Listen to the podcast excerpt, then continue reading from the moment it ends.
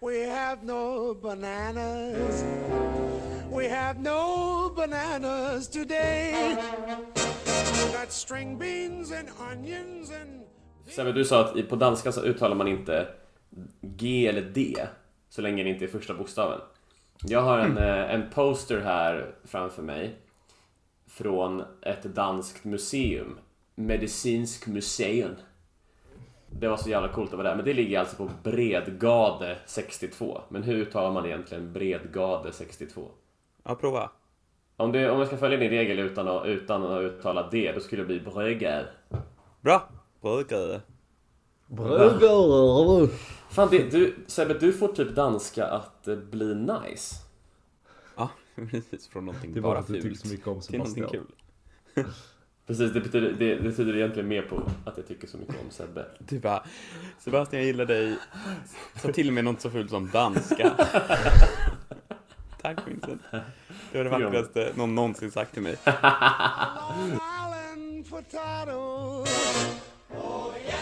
We have no bananas. We have no bananas today.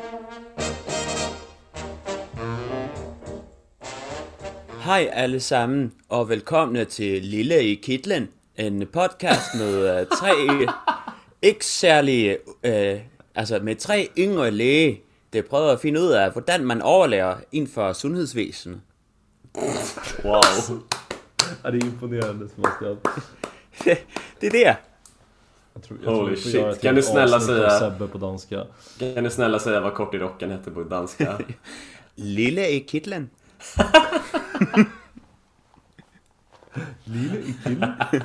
Jag bara ser typ oss tre små figurer liksom simma runt i en jävla kittel.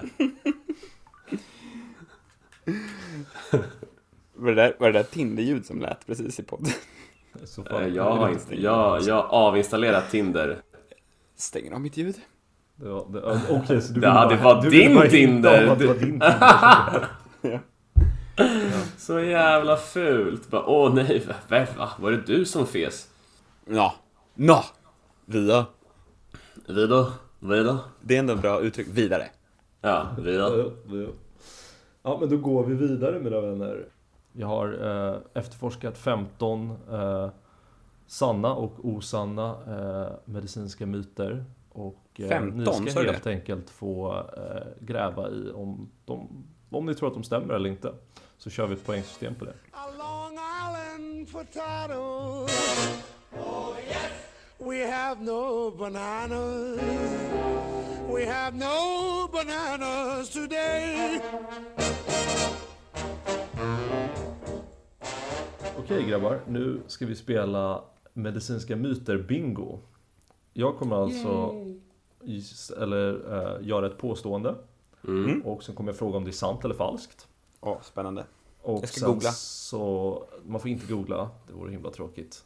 Eh, och eh, sen så får ni då liksom resonera lite för mig eh, kring hur ni tänker och så vill jag ha ett svar och så kommer vi ha en poängutdelning. Får vi se vem som vinner i slutändan. Jag har tagit reda på saker om 15 olika medicinska myter, huskurer och andra sådana vandringssägner man kanske har hört. En del Fan, kommer nog vara eh, ganska enkla att svara på, en del Mm. andra kanske kommer förvåna er. Vi får väl se. Men vänta, ska man säga, eh, ställer du en fråga till var och en eller? eh, Ja, ni kommer båda få tid att svara, det är ingen tidspress. Eh, ni kommer båda, ni kan svara samma sak. Det, det går Ah, okej, okej, okej. Så du kommer inte säga ja eller nej? Nej. Så det första Okej. påståendet är, blir man sjuk av att det är kallt ute? Sant eller falskt? Jag tror att det är sant. Varför då då Sebbe? Nej men jag tror att det där är någonting som jag har tyckt varit falskt länge. Och sen så känns det som att jag har typ kollat upp det och så är det typ lite sant. Jag tror att det är falskt. Ehm, Det som gör att den här myten typ cirkulerar är att när det är kallt ute så vill man vara inne. Alla vill vara inne. Och när alla är inne så är man väldigt nära varandra. Och då tenderar förkylningar och influensor eh, att sprida sig. Och därför kan man, kanske man associera då sjukdom med kyla. Uh, Okej, okay. 1-0 till uh, Vincent. Jag måste säga att det var ett väldigt, uh, väldigt, väldigt bra svar Vincent. Det är inte riktigt så som jag tänkte på det, men du är verkligen inne på samma sak. Uh, man blir inte mer sjuk av kyla. Mm. Däremot så påverkar ju temperaturen och luftfuktigheten en hel del hur pass spridningsbenägna, eller inte spridningsbenägna, men hur långt virus kan sprida sig. Mm. Och jag tror säkert du är inne på någonting om att man kanske kosar upp sig själv närmare och så. Det finns alltså flera olika om, liksom, eh, faktorer runt omkring som kan orsaka att vi, vi har ju all, de flesta virus går ju faktiskt på vintern. Men det är inte kylan eh, liksom, i sig som, eller kylan i sig gör inte att du blir mer känslig för att få en viral infektion. Däremot kanske du kommer bli exponerad för betydligt fler mm. eh, virus och därför var sjukare ofta. Men det är ju inte riktigt samma sak. Jag hörde att eh, förkylningsvirus eh, trivs som allra bäst när det är 33 grader. Ja, det, de det kanske är precis vad det blir i halsen då om någon är lite kallt ute. Ja, för det kanske ändå... Ja. Men okej. Okay.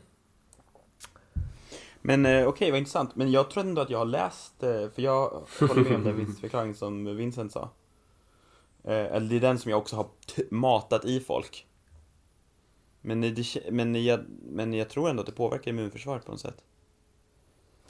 Ja, okay. Det är kanske bara jag som är alternativmedicin. Det är ingenting jag har läst om, av det jag har hittat okay. i varje fall, att det påverkar immunförsvaret. Jag har läst en del om hur det påverkar liksom spridningen av virus och eh, virus, mm. liksom. Mm. Förmåga att mm. överleva och distanser med aerosoler och sådana saker.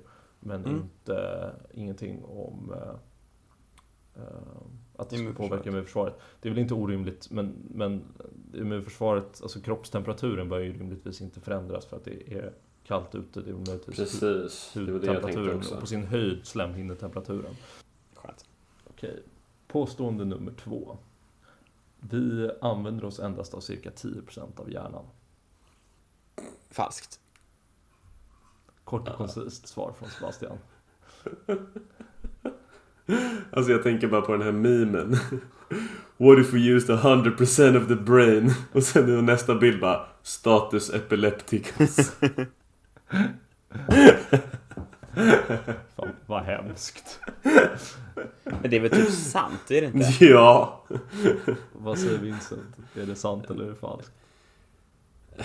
Alltså, jag skulle säga falskt. Alltså, ja, vad fan skulle man ens ha 90% av den andra delen till liksom? Nej, ni har ju helt rätt. Det är någon eh, popularisering av eh, hur man vill se på saken, framförallt antagligen för att få folk att tro att ni kan så mycket mer egentligen. Eh, mm. Det finns ju liksom, jag menar, hur kan man ens mäta det? Vi har EEG och då är det aktivitet överallt och i sådana här blodflödesmätningar med mm. MR i hjärnan så, så är det ju aktivitet olika mycket, men det är ju aktivitet i princip överallt och, och, och det, så, så, så kan man ju inte se på saker riktigt. Det funkar ju inte så. I varje fall inte vad vi vet i nuläget. Men kan man säga att liksom, den här myten, kommer den utav att, som du sa Ludde, att vi har liksom så pass mycket mer potential, att vi liksom vi har så mycket resurser i hjärnan men vi använder dem på ett väldigt begränsat sätt. Alltså, jag, jag tror myten kommer för att man vill att folk ska tro det, inte för mm. att det är så. Alltså, man, man vill säga att du använder bara 10% av din hjärnkapacitet och med, med, om du lyssnar på mig eller om du gör det här så kommer du kunna lära dig att använda mer och då kommer du bli smartare eller effektivare eller snabbare eller whatever. Okej. Okay. Eh, alltså jag tror bara att det, var, det är liksom en, en folklore för att få folk att tro att de kan mer än vad...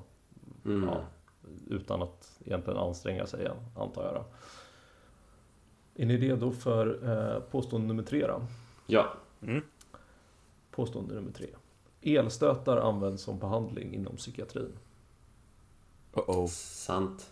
Jag tror också det är sant. Jag tror, jag tror att ni båda vet att det är sant. Uh, det, det används ju fortfarande ECT-behandling som det kallas. Uh, vad heter det? convulsive shock therapy, eller vad står det för? Ja, så är det nog va? Eh, Att man då sätter helt enkelt två elektroder på varsin sida pannan och sen så bara smäller man igång elektriciteten. Mm. Eh, När patienten är sövd förstås, för att det skulle vara hemskt plågsamt att vara vaken när detta händer. Mm. Eh, Men det är en förvånansvärt eh, effektiv eh, behandling mot både vissa typer av psykoser och mycket, mycket grava depressioner som har depressioner som Mm. har psykotiska inslag. Mm. Jag har det inte sett absolut det än. Jag har sett det med egna ögon. Hur, hur ser det ut? Är det obehagligt att se? Ja, för att det är verkligen som... Alltså då fattar man liksom vilken kraft elektricitet är och typ hur elektriska vi är. För det är liksom verkligen mikrosekunden som de sätter på elen som liksom hela kroppen drar ihop sig. Liksom blixtsnabbt. Alltså, det- Ehm, Det Men ser vet- faktiskt sjukt ja. obehagligt ut. Och det Ja, är verkligen det. så att de ligger liksom, man söver dem lite snabbt i sängen bara sådär så att de är dovt, inte så att de behöver liksom andningsstöd utan bara så att de liksom precis Mm. inte är medvetna. Och så ligger de i säng, stoppar man så här bettskena i munnen på dem så att de inte ska bita sönder tunga och läppar. Och, och, mm. och sen så är det verkligen som att du har liksom en elektrod i ena handen, en elektrod i andra handen på varsin sida av pannan och så bara tryck på knappen. Mm. Oj. Men man ger Och så ju skak, också... skakar man då? Ja, de Ja, men grej-. Ja, men grejen är de får, alltså det intressanta med ECT, alltså det var ju... Eh, vet ni hur man började med det? Eller Nej. varför? Berätta. Jo, det var för att, eh, för att det som händer när man ger ett ECT, det är att man framkallar ett epileptiskt anfall. Mm. Eh, alltså en överaktivitet i liksom alla neuroner i hela hjärnan. Och anledningen varför man ens gör det här är för att för massa, massa år sedan så upptäckte läkarna att deprimerade patienter som också hade epilepsisjukdom att många av dem mådde bättre efter att de hade haft ett anfall. Oftast i många veckor liksom. Ehm, och då började man experimentera och försöka framkalla anfall då. Så det började, i början använde man inte elektricitet utan i början använde man insulin. För Åh att nej. helt enkelt liksom eh, framkalla en kramp eh, med lågt, alltså för lågt blodsocker. Och det är det de gör på John Nash i eh, den här filmen Beautiful Mind. När de försöker knäcka hans psykos. De måste ju ha dödat massa människor och gett folk hjärnskador och grejer. Probably yes. Eh, så att det är väl därför man har vänt sig till elektricitet istället som är lite lättare att liksom ställa in eh, och eh, lättare att liksom reglera. Men jag har sett flera patienter som har kommit in till psykiatrin liksom i verkligen så som du sa Ludde, liksom super, super deppigt. Liksom typ. Så jag vet, jag hade en patient som liksom, han låg bara på sitt golv i patientrummet för att han tyckte inte han var värdig att ligga i sängen. Eh, och sa typ så här två ord per dag. Och sen så brukar man då ofta göra typ standard är typ sex stycken behandlingar varannan, var tredje dag. Eh, och fjärde, femte behandlingen så var han ju som en ny människa liksom. Jag har också sett eh, patienter som har varit riktigt illa däran som har fått ECT och det är faktiskt det låter så himla hemskt men det är faktiskt magiskt effektivt om det används på rätt sätt hos de som, Mm. är, som är riktigt, riktigt, eller som mår riktigt, riktigt dåligt. För jag har sett folk vända, de är ju ofta väldigt, väldigt trötta efteråt. Mm. Men sen när de pignar på sig så kan de liksom ja, men, eh, ha återhämtat sig från sina psykoser eller ja, Mm. återhämtat sig kanske ett starkt ord men i varje fall vara betydligt bättre liksom. Mm. De gjorde en stor studie i Lund eh, förra året där de eh, test, alltså jämförde ketamin med ECT för just djupa depressioner. Eh, så såg man, jag tror, jag tror att de, det de kom fram till tror jag var att det var varken eller, liksom, de var ungefär lika effektiva. Okej, det talar ju för sig gott för ketamin får man ju säga. Mm. Eh, För den som inte vet vad ketamin är så är det då en narkosläkemedel som man använder för att söva folk i akutskeden. Men också en populär drog på krogen. Krogen. Sture P. På krogen ja. På större bäva. Eh, är ni redo för påstående fyra? Vi har väl eh, 3-2 till Vincent va? Helvete. Påstående nummer fyra. man har ökad risk att få kramp om man simmar efter ett stort matintag. Sant eller falskt? Falskt. Jag tror också det är falskt. Det stämmer ju mycket bra. Det kan ju säkert vara väldigt obekvämt eh, och man kan ju själv känna den där känslan av att ha en full magsäck. Eh, hur det nästan spänner i magen men det ökar ju inte risken för att få riktiga muskelkramper. Mm. Eh, Muskelkramper utlöses ju snarare av st- störningar i saltbalansen och, och vad heter det, mjölksyra, laktat. Och det gäller ju inte i, i, bara för att man har ätit väldigt mycket. Om man inte ätit någonting väldigt, väldigt konstigt förstås. Inte ett rensalt i en vecka. Ja, har du ätit rent salt så då, då ligger du risigt till. Eller eh, fått dropp med en kokosnöt. Ja, men Jag, jag är imponerad av hur bra det går för er. Eh, Vincent, du är redan uppe på 4 av 4 och Sebastian, du har 3 av 4. Tre av fyra med möjlighet till eh, klaga. Mm. Det kan man alltid göra. Men eh, jag tänker att vi, eh, det, vi är inne på de lite enklare, det kommer, det kommer knepigare. Men vi går vidare till påstående nummer 5. Eh, rakning leder till mer hårväxt. Sant eller falskt? Ah, bra fråga. För, för det är så pinsamt, det här är ju någonting jag har också kollat upp. För jag har så dålig skäggväxt. Ja, det har jag också. Det problemet har jag också. Jag har en sån dead spot Ja. liksom på Så hakan. ja, det är falskt. Ja, Man det är kanske- Man säger kan, de nya stråna kanske blir eh, tjockare. Alltså, ja, alltså, det är rätt alltså, kaxigt att gå ut och säga jag vet och sen säga det är falskt innan Vincent ens har fått svara. Ja, jag, tänkte, jag tänkte säga falskt, för jag har haft den här diskussionen så många gånger med Ja. typ alla. Många av de här sakerna är ju, har ju varit svåra att hitta liksom, konkreta studier på eftersom att, jag menar, vem vem gör det? Eh, Jag men jag hittade, det finns faktiskt hänvisat till en, en clinical trial conducted in 1928 comparing hair growth in shaved patches to hair growth in non-shaved patches. The study found that new hair ha- that replaced shaved hair wasn't darker or thicker nor did it grow faster. Alltså, Alltså, en rakade bara ena sidan. Ja. Alltså de bara jämförde, det framgår inte var som var rakat och vad som var orakat. Det bara står att de eh, jämförde håret, eller hair growth, i rakade och orakade områden. alltså snälla, bring back forskningen från 1928. Är du säker på det? Du, du är för så här, eugenics och sånt också då eller? Nej, det är förstås inte. Jag kom på när jag sa det. Men det bara kändes så här. Det kändes som att det var lite enklare då. Att bara så här. Hmm, växer skägg mer? shaven patch, non-shaven patch. Det är så smart. Det är så, ja. Jag rakar hela halva mig. Men, men jag har en teori om varför, varför det här ändå cirkulerar. Jag tror att eh, när unga män eh, rakar sig för första gången så har ju liksom den sista liksom yttre halva centimetern är ju bara så här fjunigt fjun.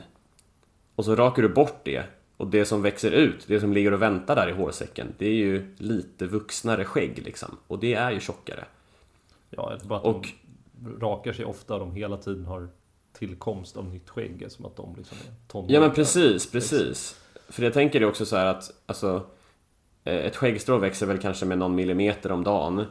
Eh, och när, när man, om man redan har typ skägg som är två centimeter långt så kommer en millimeter inte se, det kommer inte visa någon skillnad. Men när det precis är nyrakat så kommer ju varje millimeter kännas väldigt mycket.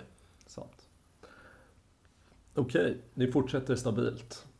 Eh, påstående nummer sex här, det är som att lite ge sig in i en Bermuda-triangel. Men eh, Ja. vi, vi får se vad ni har att säga om denna klassiker. Påstående nummer sex. Ett glas vin om dagen är gott för hälsan. Alltså gott. Eller är, är bra för hälsan. Förlåt.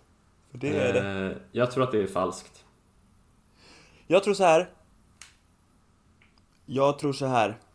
Epidemiologerna har sett fördelaktiga hälsoeffekter av att, av, hos den delen av populationen som dricker ett glas vin om dagen. De som forskar på um, mikrobiologi, eh, de säger tvärtom. Att eh, alkohol har skadliga effekter i alla doser. Det finns ingen som har svarat för det har aldrig gjorts en studie där man har liksom under längre tid kunna randomisera folk till att dricka alkohol eller inte dricka alkohol. Okej, jag har en liten objection innan Ludde säger svaret. För Ja. att jag eh, läste i alla fall rubriken till en studie, jag har inte läst själva studien i sig. Men för bara några år sedan så kom det en ganska stor studie, om jag inte minns fel, som hette No amount of alcohol is healthy. Men det är inte samma sak som att säga att any amount of alcohol is unhealthy. Men det var bara det att den ville väl bestyrka det att det finns, alltså in, inte ens bara en droppe whisky om dagen är liksom hälsosamt för några organ. Eh, eller typ liksom men, men däremot så tror jag verkligen, jag tror att det här är en ganska delad grej för jag tror verkligen att liksom Tar man ett glas vin med vänner eh, typ lite då och då så främjar ju, främjar ju det hälsa på massa andra sätt. Eh, Jag eh, tror att jag måste eh, dela ut poäng till båda. Ni är ju väl belästa på, på frågan som den är. Alltså mycket riktigt så är det ju svårt. Du kan ju inte göra en randomiserad studie där du liksom selekterar på, på folk på, på det här sättet i stora mängder. Men ja, olika metastudier har ju tittat på olika saker. Och, Mm. och mycket tyder ju på att alkohol i små doser är ohälsosamt för en herrans massa saker. Eh, man har ju sett, man gjorde ju en här som jag tittar på till exempel när man tittar på 1,2 miljoner kvinnor och ökad risk för cancer. Mm. Eh, och den är ju markant eh, skillnad då även för de som dricker low to moderate amount of alcohol consumption. Sen så har man ju tittat på, på stora metastudier där man, eh, framförallt förr i tiden när man har sett på liksom de som har en low to moderate alcohol consumption och livslängd och kunnat se att det är liksom, finns en god progress för dem som hade en low to moderate consumption. Men det kanske hade med helt andra saker att göra som att de hade, precis som Vincent var inne på, rika sociala liv, god ekonomi, andra former av Mm. statusmarkörer Mm. som gör att man lever längre. Eller som är prognostiskt gynnsamma för att leva längre. Mm. Eh, Så att eh, det, det var en del, en, mycket av det som kom upp var den här, eh, bland annat på Systembolagets egna, egna hemsida.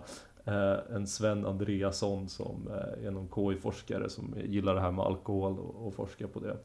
Eh, Och, Och han var mycket inne, inne på att det är förstås inte bra för hälsan men, men att det är mycket de här sociala faktorerna som har fått man att blanda ihop gamla studier som har hävdat att det är hälsosamt.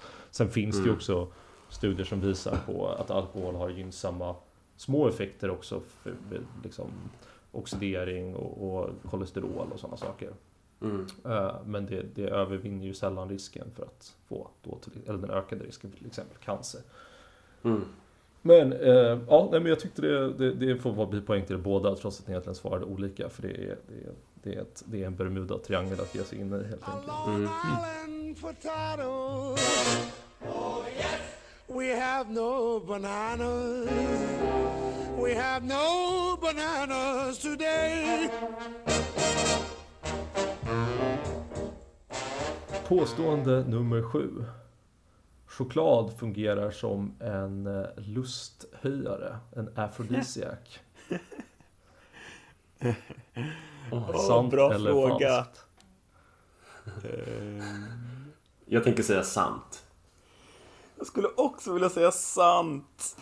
Ja, det är, det är fint. Men jag är nog tvungen att ändå underkänna er båda. Inte här heller är det helt självklart.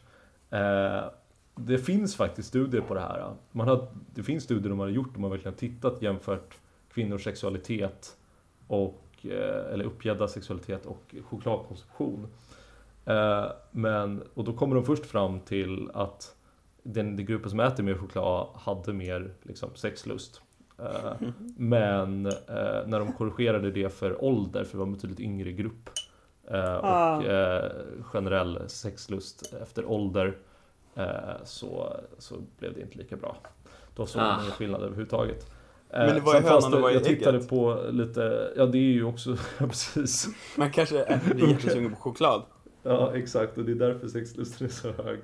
Eh, Man tittar på andra och det finns ju en del aktiva liksom, hormonliknande preparat i choklad och sådär som kan ha lite påverkan. Då tittar man, har studier mer på, på eh, liksom olika eh, mood benefits som de kallar det. Men deras eh, slutsats är att om det finns ens en liten skillnad i humör eller lust från choklad så är den mycket, mycket, mycket kortvarig och spelar ingen signifikant roll. Fast om man äter, choklad, om man äter chokladbiten på exakt rätt tidpunkt Då kan den spela roll. Ja, nej, jag, tror att, jag tror att då får man äta väldiga mängder choklad och det är nog ohälsosamt av andra skäl.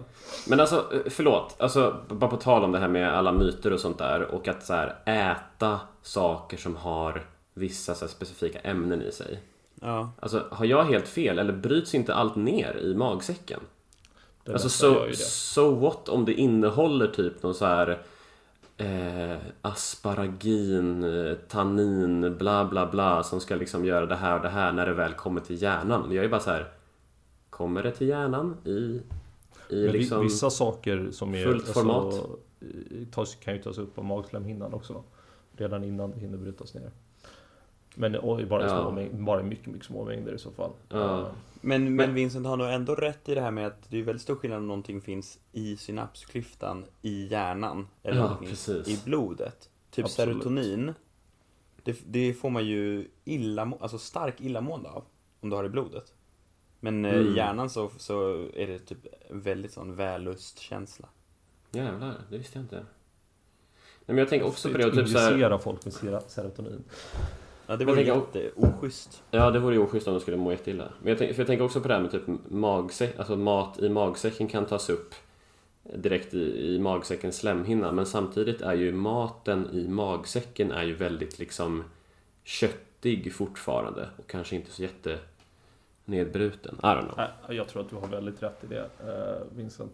Eh, Jag tror också att mycket av såna här, eh, den här typen av myter går ju ut på att man Det finns väl säkert ekonomiska intressen av att marknadsföra sig sånt för att sälja mycket choklad på, på högtider eller till romantiska grejer eller liksom Mm. Men så här, kan man inte bara komma överens om att så här, det är Det fett är en bra gott? gåva. Ja, det är det ju också. Ja, Jaha. precis, det fin- ja. Eh, är ni redo för påstående nummer åtta? Ja. Att dricka mycket tranbärsjuice hjälper mot urinvägsinfektioner. Sant eller falskt? Jag säger... Okej, jag säger sant. Jag tror också det är sant. Jag tror att det hjälper att dricka mycket i alla fall. Jag vet inte om just tranbärsjuice är så viktigt. Men jag tror att man eh, gärna får eh, hålla igång urinproduktionen. Några tillägg Vincent? Ehm, ja, jag kan inte tala för om det finns något, på tal om ämnen och sånt, att det finns något särskilt ämne i tranbär. Liksom. Det är väl kanske också någon sån myt som cirkulerar att liksom, tranbärsjuice gör att urinvägen blir mer basisk eller något sånt där skit. Liksom. Men det, det, det tror jag inte på. Men jag vet ju att det är många, många tjejer och kvinnor som tar till tranbärsglaset när det svider där nere. Ta till glaset. Ta, tar till glaset och skål. Eh, nej, det är ju falskt. Ja, Eh, men jag fan var ju ändå sig. lite inne på att, att Sebbe är ju bra på det, att dricka mycket eh, för att hålla en hög urinvägs, eller urinproduktion är ju bra för att skölja ur blåsan om man har en okomplicerad eh, liksom, infektion i blåsan. Mm. Men eh, nej, man har tittat på det och det kan faktiskt påverka just pH-värdet men det blir snarare lite surare om jag har förstått det rätt. Jaha. Eh, Det var någon studie som gjorde i Sterling, University of Sterling. Eh, Och eh, då för, det skulle potentiellt kunna vara lite till hjälp men då måste man dricka väldiga mängder tranbärsjuice och under väldigt lång tid. Mm. eh, För att det faktiskt skulle ge någon effekt. Eh, Så att, att van, har man i vanliga fall så är det betydligt mer effektivt att bara dricka ordentligt. Mm. Om inte det hjälper antibiotika snarare än att eh, ja, hålla på med tranbärsjuice. Men det skadar väl inte om Mm. man tycker det är gott. Ja. Men fan det där med att det där är så jävla typiskt för Det känns som att man kan krossa väldigt, väldigt, väldigt många sådana här hälsokostmyter genom just det argumentet att säga ja, det funkar om du typ äter så här 5 kilo av detta om dagen. Mm. Jag, min, Absolut. jag minns när det var typ debatt om, eh, du vet så här, det hade kommit ut, det hade läckt information om att besprutningsmedel på vindruvor det fanns inte bara på ytan av det utan de sugs också in i vindruvan. Så man kan inte skylla bort dem. Och då var det ju forskare som liksom, du vet, fick inte så mycket uppmärksamhet men som sa det liksom att ja, du måste äta tre kilo vinruvor per dag i flera månader om du ska komma upp i farliga nivåer av det här giftet. Ja. Liksom. Börja trappa ner på vinruvorna. Vi har väl eh, fortfarande så att eh, Vincent eh, ligger ett poäng upp va? Han Det tror jag stämmer, tyvärr. Men här kommer en personlig favorit till mig som jag har svarat på många gånger. Och det är påstående nummer nio. Är det farligt att dricka alkohol och sen ta Alvedon eller paracetamol? Oj! Jag måste tänka lite på den här. Alltså för en person med frisk lever. För du sa lite alkohol va? Jag specificerar det inte, men jag, van, jag syftar ju på eh, för en vanlig människa att gå ut på krogen och dricka alkohol och sen så vakna upp dagen efter med en huvudvärk. Är det då farligt att ta paracetamol? Jag skulle säga att det är falskt. Jag skulle inte tro att det faktiskt är någon fara. Men jag kanske inte skulle rekommendera det. Sebastian? Ehm, jag svarar att eh, det har att göra med att om man dricker alkohol under längre tid så uppreglerar man alkoholdehydrogenas. Och ehm, det, alltså man uppreglerar vissa enzymer i levern. Och eh, det är också enzymer som bryter ner paracetamol till skadliga produkter. Som, eh, eh, så om man är alkoholist, dricker länge, uppreglerar de enzymerna, sen inte dricker, alltså avhåller sig från alkohol och tar paracetamol, så är det en ökad risk för leverskada. Men för en frisk eh, person så um, är det ingen fara och jag skulle säga om man dricker samtidigt som paracetamol så får man bara starkare effekt av de båda. Nice. Ja, det är en helt eh, strålande genomgång eh, Sebastian. Jag har, eh, det är skönt att veta att mina, mina två medicinskt utbildade vänner kan svara på detta. För den gemene man som, som lyssnar på detta så är det ingen fara att ta lite Alvedon om man har druckit alkohol. Det är farligt för folk som har eh, nedsatt funktion på levern, eh, långvarigt alkoholmissbruk eh, och förstås om man tar stora mängder Alvedon. Men att ta Mm. vanliga ordinerade doser av Alvedon är ingen fara om man liksom bara har druckit alkohol kvällen innan. Undrar om det typ inte är farligare med att blanda Alltså, nu tror jag var, alltså, att dricka några öl och ta en Alvedon och dricka några öl och ta en Ipren tror jag är väldigt ofarligt i båda sammanhangen. Men om man ändå ska gradera dem så har jag en teori om varför det är farligare med Ipren och det är att både alkohol och Ipren är blodförtunnande. Ja. Lite grann i alla fall. Kanske. Frågan är om det är tillräckligt blodförtunnande för att öka risken att du skulle få en allvarlig blödning om du ramlar jag tror inte. Så du slår ner din egen teori? Ja, Okej. Eh, vi, vi har fortfarande ett upp till Vincent och vi går vidare till påstående nummer 10. Det här är en gammal klassiker som man har hört eh, runt omkring sig. Eh, påståendet lyder som följande. Dina öron och din näsa slutar aldrig att växa. Ja, vad bra! Vad sa du, vad var det? Öron och näsa? Öron och näsa slutar aldrig att växa. Öron och näsa. Ja, du får svara först igen, Vincent. jaha. Eh, Eller jag kan svara först. Ja, Vincent leder, så jag tycker Vincent kan få svara först. Okej. Eh, Okej, fuck it. Jag tänker säga att det är sant. Då tänker jag säga att det är- motivera. Jag tycker att det, är, att det är falskt för att kunna ha möjlighet att komma ikapp. Ja. Eh, Okej, fan vad snärtigt sagt. Eh, jag vet inte, jag bara tänker på typ alla såna här riktigt gamla människor jag har sett. Som är typ så här 95 plus. Det känns som att alla de har jävligt stora öron och näsor. Det är, det, är, eh, det är sant att de har stora öron och stora näsor, men det är inte för att de växer. Är Nähä? det, är det Är det för att de är- krymper? Nej, det, det, är för att, det är för att de sjunker om någonting. Eh, Det är ju Va? det är en myt att brosk eh, liksom alltid fortsätter väx- växa. Eh, Det är som allting annat i kroppen liksom Fan. stannar ju av förr eller senare. Men däremot så när man blir gammal så vad är det, kollagen och fibrinogen i Ja, det blir så Eh, liksom- slappt. blir slappare och slappare och mjukare och mjukare och eh, gravitationen drar helt enkelt ner både öronen och näsan på ett helt annat sätt än vad det gör med våra stabila ben. Det är ju konstigt att säga. Vadå så? Alltså med öronen kan jag fatta det. Men vadå, du menar att, de, alltså att det är gravitationen som får gamla Den- näsor att se Den, stora den stora del, biten av näsan är ju inte fast ben. Om man tittar på till exempel en, en, alltså en skalle, alltså bara ett, alltså ett Precis, då är, det ett, då är det ett hål in i. Det är ju bara ett hål, alltså själva näsbenet är ju bara den, liksom, den första lilla, lilla, lilla, lilla biten av näsroten. Mm. Resten Mm. är ju brosk. Eh, Fan! Okej, nu är det lika. nu är det Det lika. Det var ändå bra för tävlingen Vincent. Ja. Ja, Nu går vi tillbaks till... dåligt för eh, mitt ego. eh, en liknande fråga som fråga 9, men en liten annan twist som jag också tycker har dykt upp många gånger, eh, framförallt när man ska gå på fest.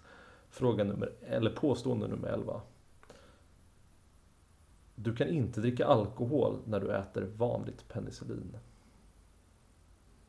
Sant eller falskt? Vad menar du med kan inte? Eller förlåt, du, du bör inte dricka alkohol när du äter vanligt penicillin. Jag säger sant. Jag tror att påståendet är sant. Jag tror att det gäller typ erytromycin men inte penicillin. Nerd. Blir Sebastian takes the lead! Fuck! Eh, man ser ju ingen nämnvärd effekt mer än att det är klart om du dricker mycket alkohol kan du få påverkan på benmärgen och sånt som kan påverka immunförsvaret. Om du har en pågående infektion så kanske det inte är jättesmart att gå ut och dricka massa alkohol. Men det är liksom, alkoholen har ingen direkt verkan på nästan något antibiotika överhuvudtaget. Men Mm. däremot eh, så jag kommer inte ihåg om det är specifikt är det Max eller Tromax som det påverkas. Men jag vet däremot ett annat antibiotika som man absolut inte ska ta om man dricker alkohol. Men det är inte en penicillin. Eh, För det har en antabusliknande effekt. Är det någon som vill gå för extra poängen och ni får varsin gissning och säga vilket antibiotika det skulle kunna tänka vara. Metronidazol. Ah, det kan det vara. Det är mycket gissning. riktigt. Det är metronidazol, eller som också Bra. går under namnet flagyl. Eh, Det är alltså samma preparat. Eh, Det ska man inte ta när man dricker alkohol, för det har en antabusliknande effekt. Och för den som inte vet vad antabus är, så är det det som hämmar alkoholdehydrogenas, som Sebastian pratade om tidigare. Eh, Vilket gör att du bara blir galet illamående och bakfull istället för att bli full när du dricker alkohol. Och röd som en kräfta, brukar jag säga till mina patienter.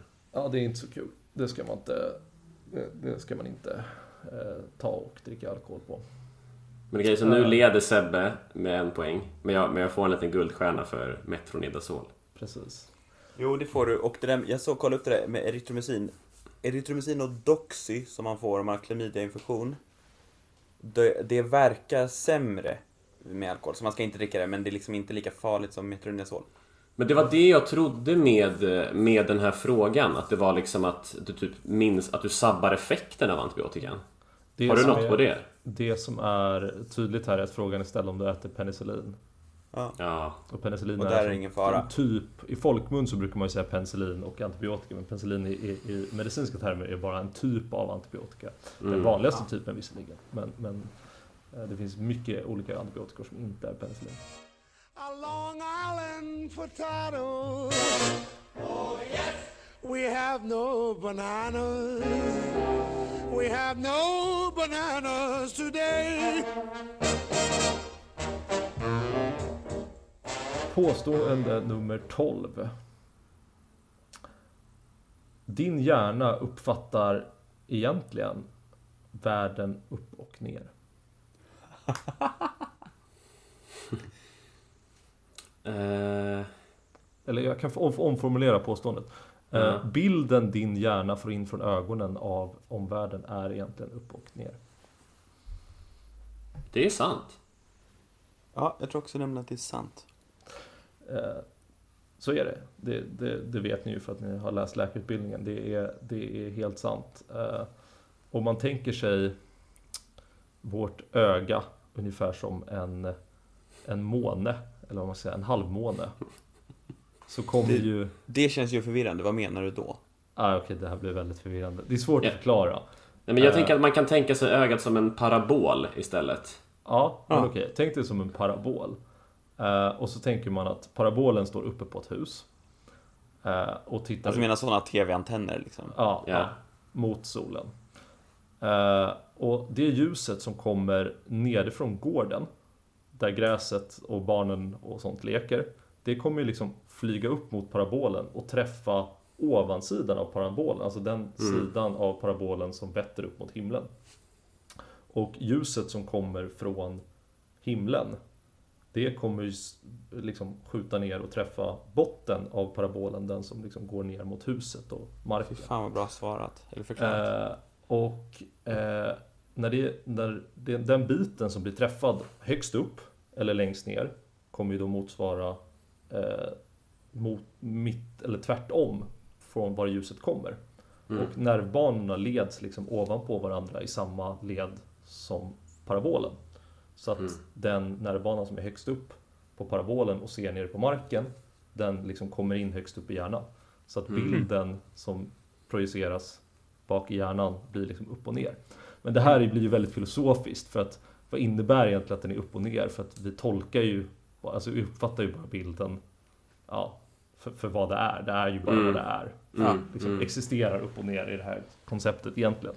Men, så bara, men, så bara, om man skulle till exempel ha att ens arm, alltså att nervcellerna som styr ens arm, ligger nedan, alltså ligger i hjärnan på en plats under det som styr ens ben. Så skulle man ju- alltså så kan det ju vara. Mm. Så skulle inte det betyda att hjärnan tror att armen sitter under benen. Bara för Mm. alltså Jag tänker att det- inte i... Jag tänker att det är typ en fråga om så här evolutionär kalibrering. För vi har ju väldigt många andra sinnen som talar för att det vi ser är så som det ser ut liksom. Alltså säg då att du ser en, säg att du skulle ha en evolutionär avart där bilden inte vänds i hjärnan. Den personen skulle ju ha väldigt, väldigt svårt att navigera. Den skulle liksom tro att de sticker ut handen åt ett visst håll och så skulle det komma åt alltså, det här innebär ju Kanske. faktiskt att eh, världen är ju faktiskt inte bara upp och ner, den är också spegelvänd. Alltså höger blir vänster, vänster Ja just det, alltså fan du, det här, jag får en sån mindfuck just nu. Även fast jag vet det här Så blir det bara som att det känns som att allt jag, koll, allt jag kollar på nu är bara så här Det är totalt... Eh, inverterat. Ja. Så kan det vara. Men då om man ska vara så här, om man ska vara så här true to nature, då ska man ha ett par glasögon som snurrar allting runt. Ja, men det är ju så här bland annat man har, om inte jag minns helt fel, det här har jag faktiskt inte kollat upp nu, men om inte jag minns helt fel, så om man eh, tar på sig ett par glasögon som eh, spegelvänder bilden, så kommer hjärnan till slut anpassa sig. Så du kommer börja se som vanligt igen. Ja men Ja. det gjorde vi med sådana där prismaglasögon ju på typ Ja, termin det var två. skitcoolt. Och så du vet, då skulle du, då blev, det var som att allting du såg blev typ så här 2-3 decimeter skiftat åt vänster. Mm. Och då tog det liksom, du- uppgiften var att du skulle ge någon en high five. Och då tog det liksom 5, 6, 7 försök innan du träffade. Eh, med de här glasögonen på. Men det dumma var ju sen när du tog av dig glasögonen. För då när du skulle göra en high five så, så missade du. Då var hela världen sned igen. Nej men för att du, du, du ser det du ser liksom. Då vet man så här, ah, ja men nu, nu har jag rätt glasögon på mig liksom. Och så bara high five, så bara... Miss. och så missar man fyra gånger till och sen så var det tillbaks liksom. Det är verkligen otroligt jag. Ja, det är så jävla trippy. Är ni redo för en annan trippy fact? Ja. Eh, vi har bara tre påståenden kvar nu så att nu, nu börjar det närma sig slutet här. Mm. Men den här är spännande Oh, för den här tror jag eh, vi kan få lite spridda svar på. Påstående nummer 13. Högerhänta lever längre än vänsterhänta. Jag tror det är sant. Den eh, strukturella, liksom... Jag menar, jaha, tror du att det är sant? Varför skulle de vara längre? I don't know. Nej, det tror inte jag. Ja, alltså det, det var inte helt lätt att hitta evidens för det här, men jag hittade en studie som sammanfattade så här. Uh, the study found clear evidence that left-handedness was associated with a decrease of longevity among, among a cohort of adult athletic men. A major factor responsible for this seemed to be a differentiated likelihood of accidental death and death during warfare. Oj! Så jag vet inte om vänsterhänta bara har mer otur eller någonting. Eller bara, min, jag började direkt spekulera i att så här, tänk om vår värld är så dåligt anpassad för vänsterhänta. Så att det är så här, vapen är på fel sida eller så här, när de kör bil eller någonting så är det mer Oh, knepigt. Och vilket gör att de är mer eh, olycksbenägna. Man ska inte dra så stora slutsatser från en studie. Men eh, jag är ändå benägen att eh, falla för myten och säga att detta är sant. Så det, är bara, det här är ju strukturell diskriminering. På högsta nivå. Det här är ju verkligen ren och skär, liksom, vad kallas det? Socialisering dödar. Va? Socialisering dödar. Ja, men Du sa ju precis Alltså, att socialisering ger långt liv. Alltså för att du drick, när du dricker vin så socialiserar du. Ja, just det. Just det socialt är med. Nej, men jag menar, vad heter det när man pratar om arv och miljö? Det här är ju bara miljö ju. Ja. Det här blir bara Precis. miljö. Alltså att sam hur s- samhället dödar. Min teori var att, alltså, man bruk, brukar man inte säga att vänsterhänta är lite mer kreativa och lite mer artsy? Jag tänker att artsy människor gör lite galna grejer. och det- omkommer. Det, det var högst spekulativt, men så kanske Ja. det är. Okej, men det här är ju väldigt spännande i varje fall, för nu är det jämnt med två frågor Nu är det kvar. lika. Fan de, vad två, kul. eh, de två sista, eh, ja, den ena är mer, mer upp för diskussion och den ena, eh, ja, vi får, båda är nog för diskussion, så det här blir väldigt spännande. Jag kommer ge poäng till den som har bäst svar. Men här kommer då påstående nummer 14. Mm. Vi blir kortare under dagen.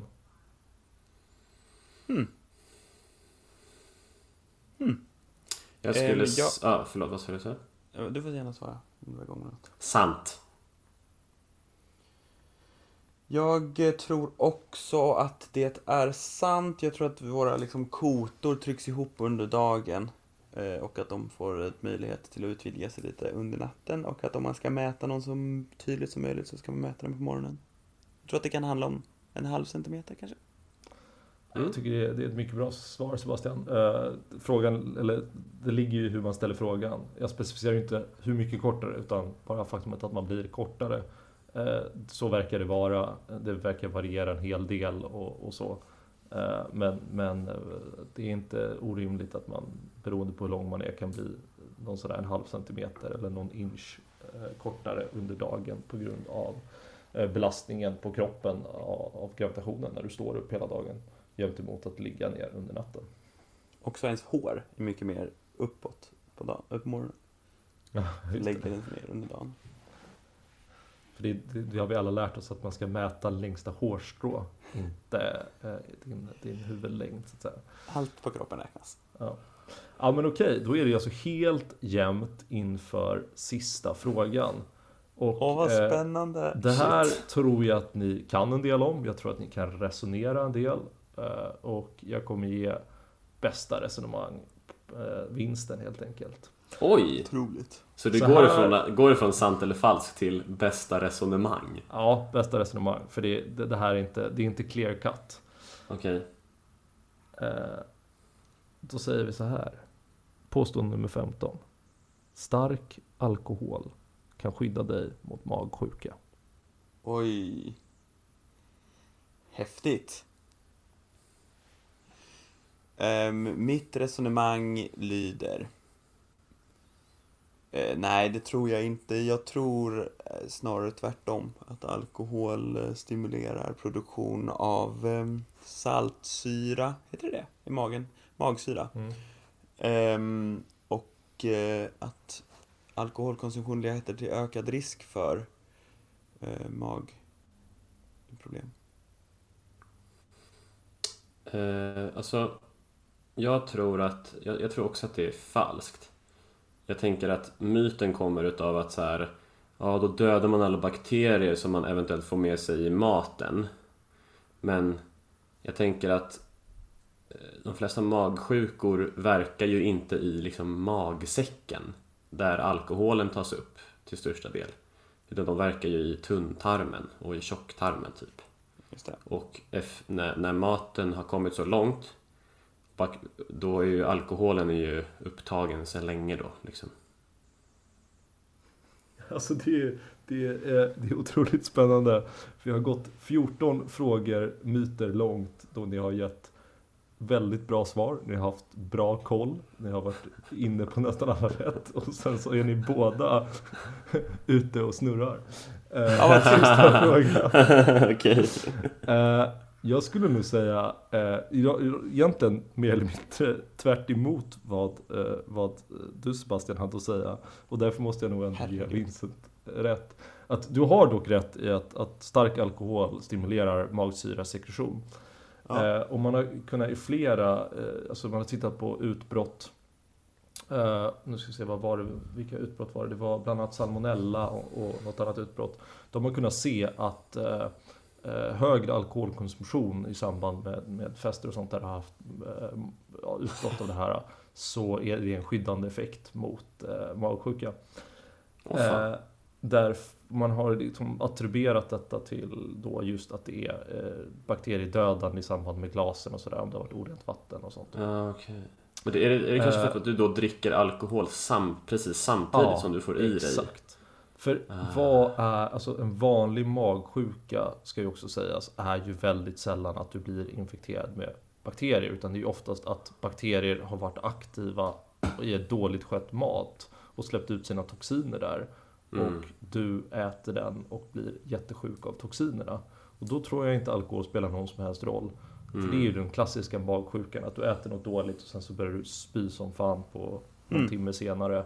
Och sen så blir du bättre ett par timmar senare efter det egentligen. Mm. Det är ju liksom en klassisk magsjuka.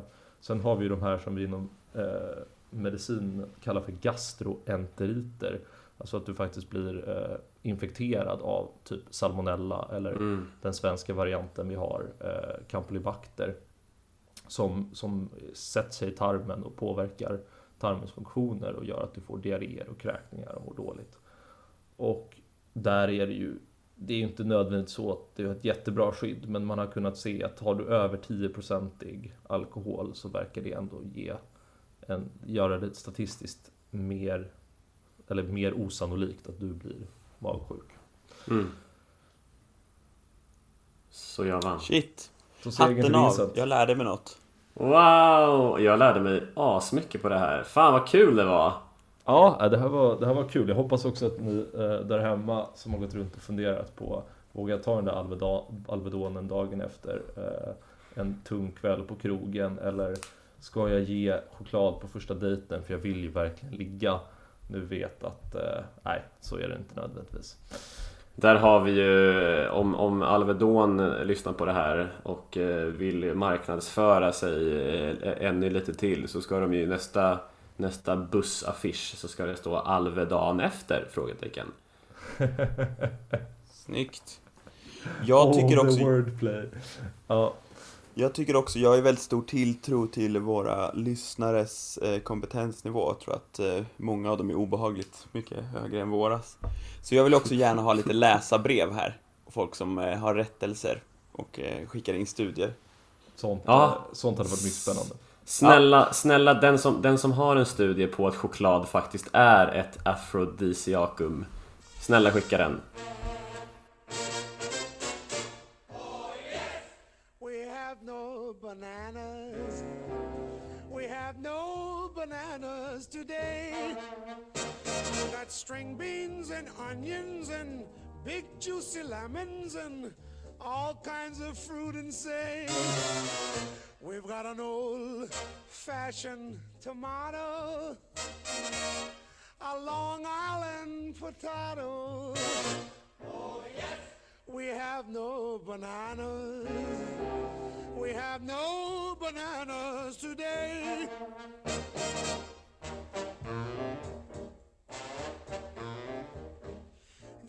Fruit man on our street whose name is Mr. Pete.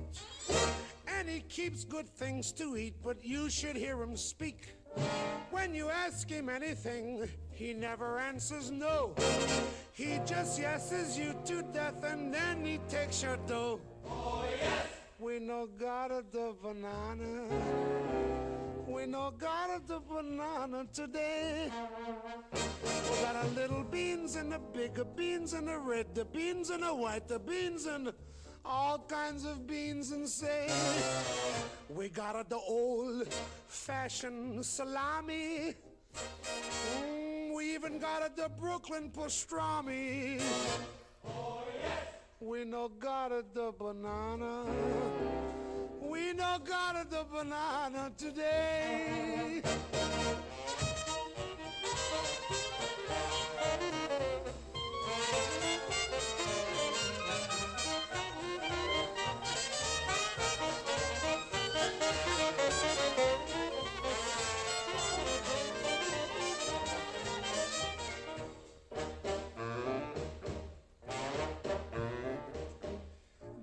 Got so good with him, he rode home to say, Send Pasquale, Nick, and Jim, I need help right away.